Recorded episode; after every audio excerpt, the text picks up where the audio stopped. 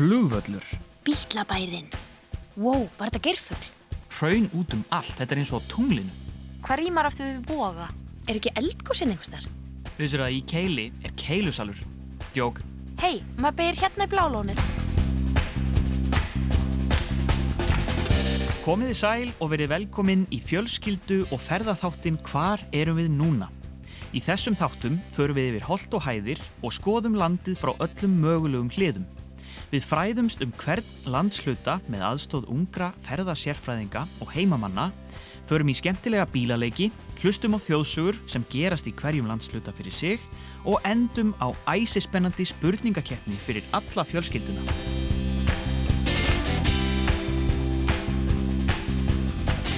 Ég heiti Ingibjörg. Og ég heiti Jóhannes.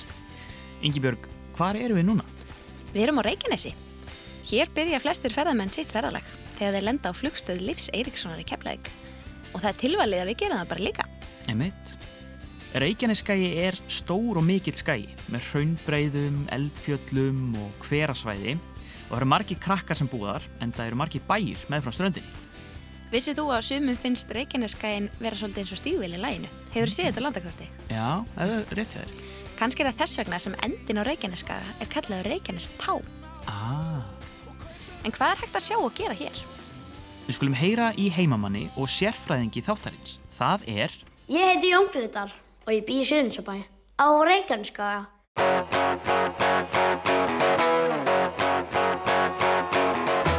Það besta við að búa í Suðunsabæ er hér skemmtileg fólk og fallagt landslag og ótrúlega margt hægt að gera.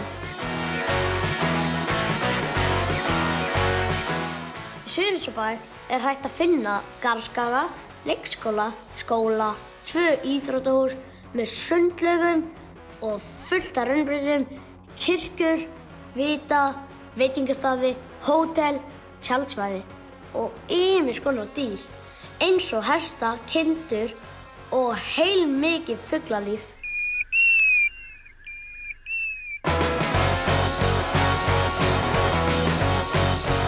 Garðurinn er sá byggðarkjarni sem ég bý í en á landarkortinu má finna garðinn á Reykjanest tonni. Garðurinn saman að sængerði árið 2017 og heitir bærin okkar í dag Suðunsabær. Bæjarstjórun okkar heitir Magnús Stefánsson og hann var í hljómsveitinni upplýftingu. Hann vann líka á alþingi. Hmm. Við erum með tvö íþróttafjölög í Suðunsabæ sem heita Reynir og Sængerði og Víðir Garði. Og yngri flokkanir þeir eru saminu lið sem heitir Reynir og Víðir. Reynir Víðir. Góðan og blæsaðan daginn og velkomin á okkar daglega upplýsingafund. Það skemmtilegasta sem ég geri í Suðunsabæ er að fara út á bryggju að veiða, fara út á gólfvöll, en við erum með tvo gólfvölli í Suðunsabæ og það allra skemmtilegasta í Suðunsabæ er að fara út á garðskaga og leika í fjörni og vaða í sjónum. Vissið þú að í Suðunsabæ er fræðasettur og þar er hægt að fá að skoða alls konar dýr sem finnast við fjöruna. Og þar er stór rostungur sem er mjög gaman að sjá.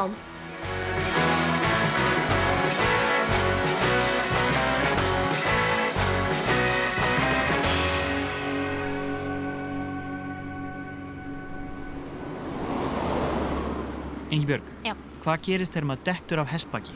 maður með sig. Maður fer aftur á bak. Það er til.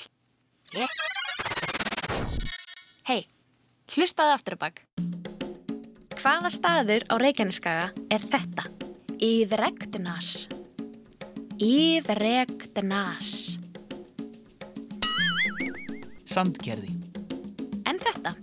Kífadnirk. Kífadnirk. Grindavík.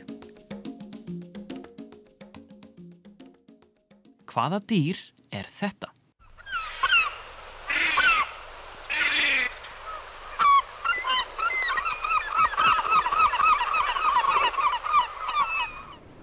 Þetta var máfur.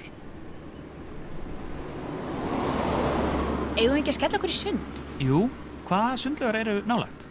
Hmm, látum okkur sjá. Sundlögar á Reykjaneskaga eru í Sandgerði, Grindavík, Garði, Vogum á Vassleysuströnd Bláalónið, og í Reykjanesbæ er bæði sundlög og vatnaveröld. Mér langar að heyra sögu, Ingibjörg. Kanntu einhverja sögu sem gerist á Reykjaneskaga? já, ég kann eina.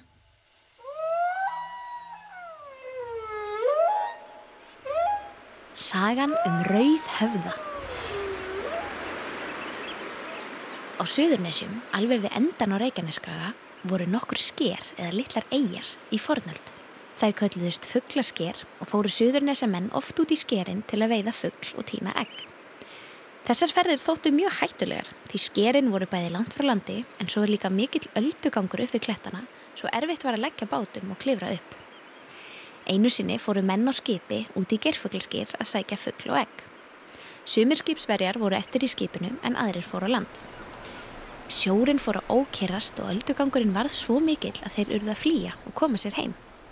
Þá komist allir ekki að tökumennindir með miklum erfileikum aftur á nýskipið. Allir nema einn.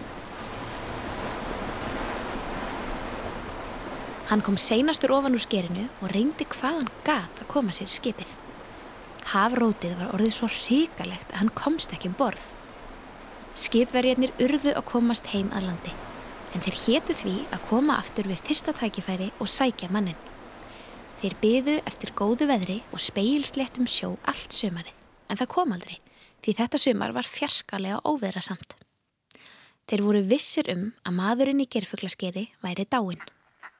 Árið síðar lögðu skipverjar aftur í leiðangur út í gerfuglasker að veiða fuggl og egg. Þegar eggetökumenninir kom upp í skerið urðu þeir gapandi hissa því þar sáu þeir mann á gangi og var það engin annar en sá sem þeir hefðu skilið eftir ári áður. Þeir spurðan hvernig hann hefði lifað veturinn af. En maðurinn svaraði óskýrt og vildi lítið um það tala annað en það hafi farið vel um sig. Hann bað á samt að fara aftur með sér í land.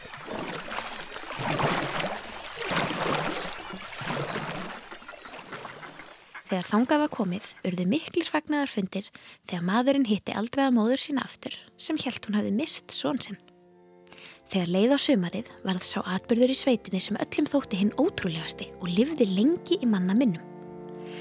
Eitt góðan veðurdag var messað á kvalsnesi. Við kirkjuna var fjöldi fólks og þar á meðal maðurinn úr gerfuglaskeiði. Þegar fólki kom út úr kirkjunni stóð þar upp á búin vagga þar sem ílá sofandi unga barn með dýrindis ábreyðu. Enginn þekkti barnið, en ég vissi nokkuð um þessa förðulegu uppákomu. Presturinn kom út og förðaði sig á þessu.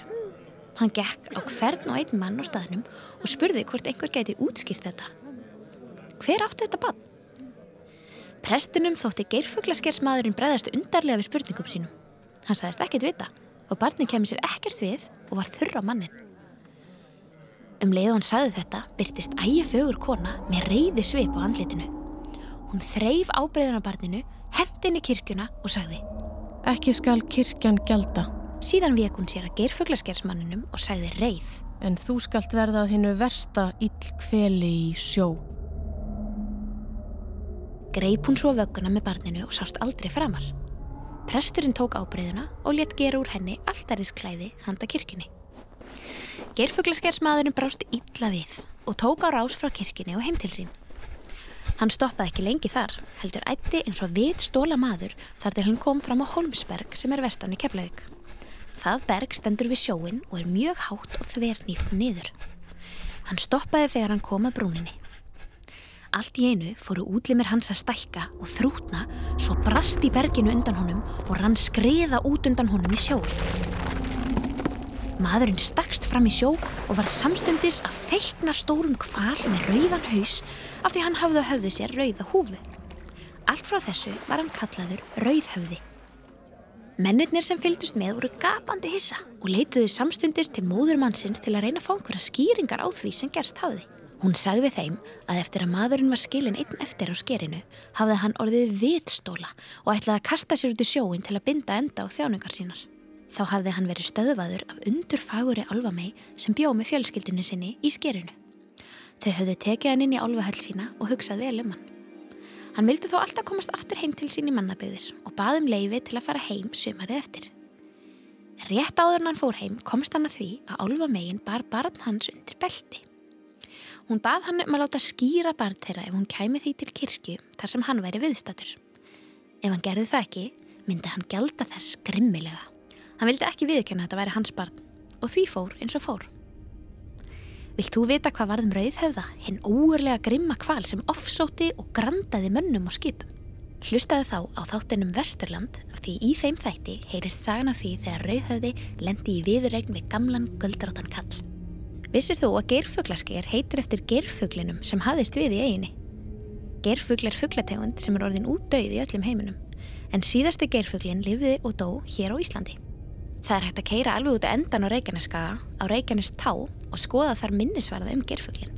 Minnisvarðin stendur líka á staðnum þar sem þessi saga gerðist.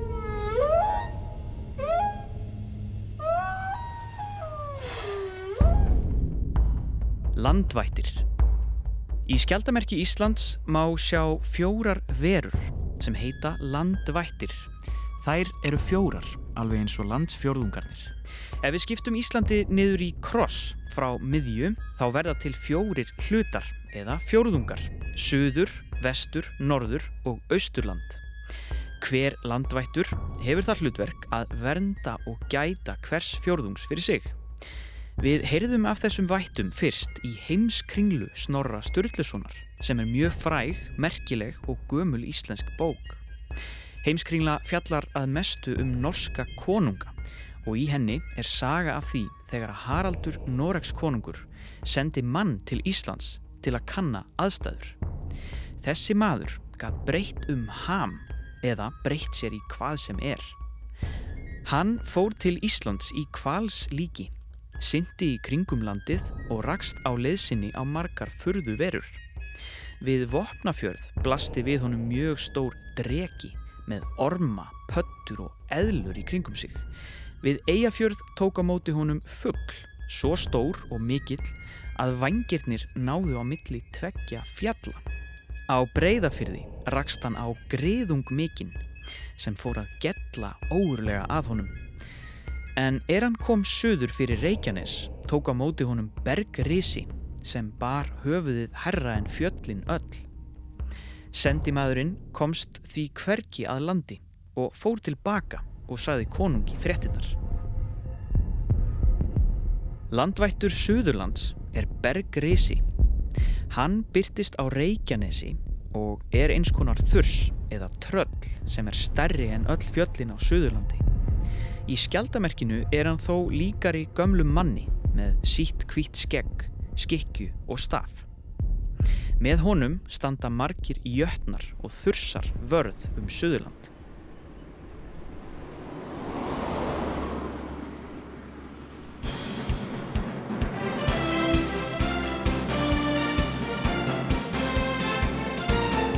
Velkomin í spurningakeppnina Hver er með svarið? Við heyrum nokkra spurningar um landsvæði þáttarins og hvert rétt svar gefur eitt stig. Sá sem fyrstur kallar réttasvarið fær stíð. Og við byrjum núna!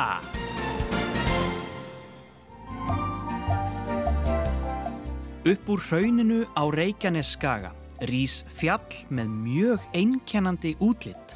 Það er hægt að sjá það alla leið frá höfuborgarsvæðinu og úr fjarska lítur það svo litið út eins og píramíti. Hvað heitir fjallið?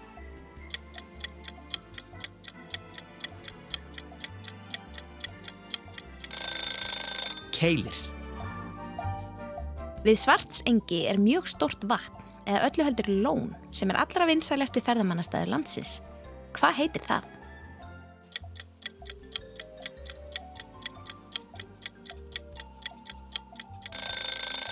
Bláa lónið. Bláa lónið er ríkt af steinefnum. Eitt þeirra sapnast gjarnan í kvíta leðju á botni lónsins sem margir bera á húðina þegar þeir baða sig. Hvað heitir aðal efnið í þessari kvítu leðju í bláa lóninu?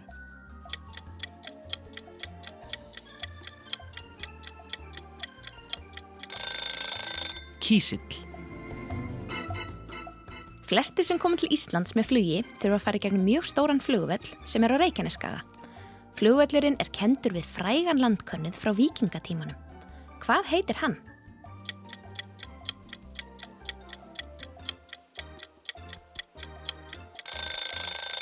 Leifur Eiríksson eða Leifur Heppni. Hvað heitir elsti viti á Íslandi sem stendur á söðvesturhortni Reykjaneskaga?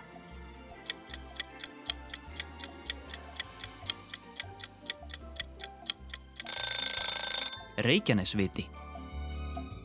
Hvaða risastóra dýr má finna meðal annara dýra í fræðslusetrinu í Suðunisabæ sem Jón Gretar, sérfræðingurinn okkar, sagði frá áðan?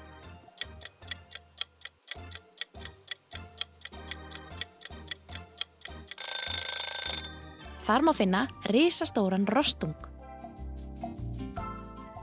Keflavík hefur alið af sér mjög marga þekta tónlistarmenn. Nöfn þryggja vinsætla hljómsvita úr bænum eiga það samilegt að enda öll á mar. Vitið þið hvaða hljómsveitir það eru?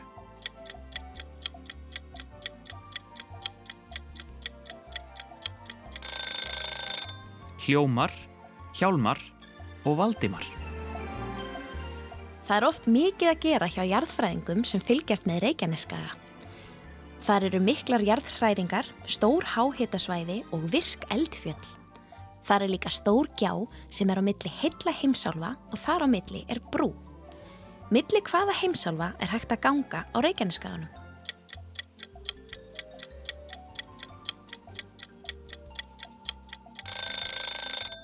Evrópu og Ameríku. Árið 1844 var síðasti fugglinn af tegund sem nú er útdauð veittur í Eldey sem er eiga suðvestur af Reykjaneskaganum. Það var fjallað um þennan fuggl í þjóðsögunni hér áðan. Hver er fugglinn?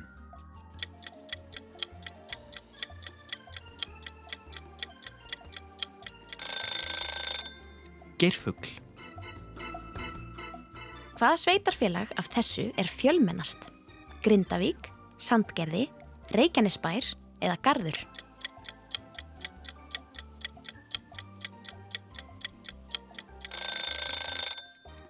Reykjanesbær. Hvað heitir eldfjallið sem lætur á sér kræla í nágrinni Grindavíkur?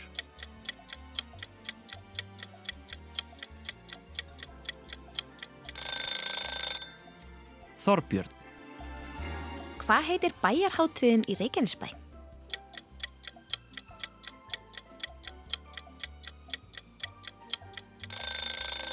Ljósanótt.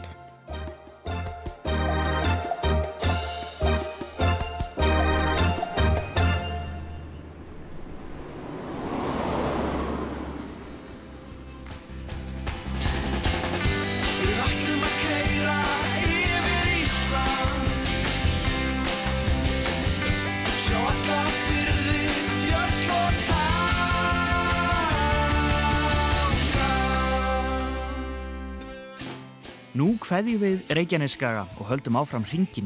Við þökkum sérfræðingi þáttarins kærlega fyrir en það var hann Jón Gretar frá Suðunisebæ. Næst ferumst við um Suðurland.